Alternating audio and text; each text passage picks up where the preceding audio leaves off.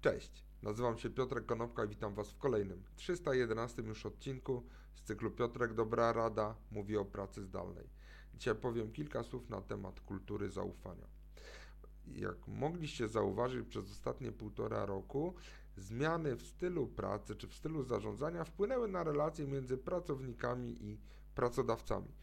E, w ciągu ostatniego roku, i to wynika z badania e, firm Antal i Cushman Wakefield, to w ciągu ostatniego roku z 30 do 35% wzrosła liczba pracowników, którzy deklarują brak monitoringu ich pracy ze strony przełożonego.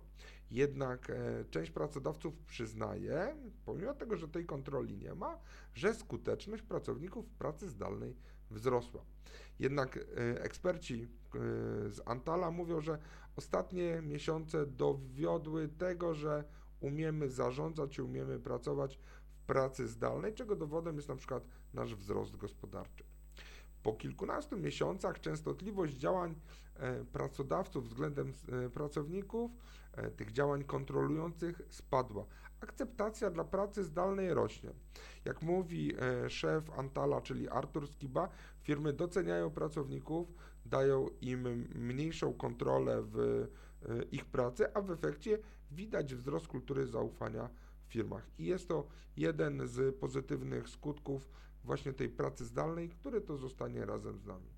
Warto zwrócić uwagę, że w badaniu wyszło, że o 11 punktów procentowych spadła liczba regularnych koli, spotkań na e, Zoomie, czyli telekonferencji i wideokonferencji, które miały tylko i wyłącznie na celu kontrolę pracowników, czyli w jaki sposób oni pracują.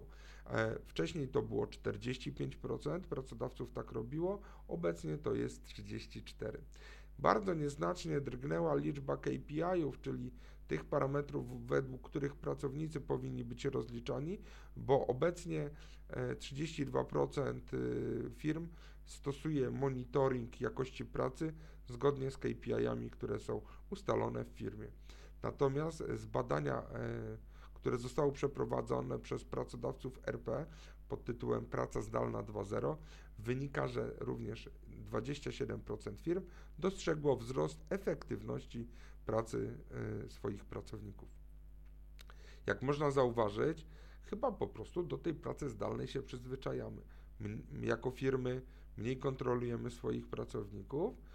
Jako pracownicy odczuwamy właśnie mniejszy nacisk taki typowo kontrolerski ze strony swoich firm, a to jednak przekłada się na wzrost produktywności w tej pracy zdalnej. Dzięki serdeczne, do zobaczenia i usłyszenia jutro. Na razie.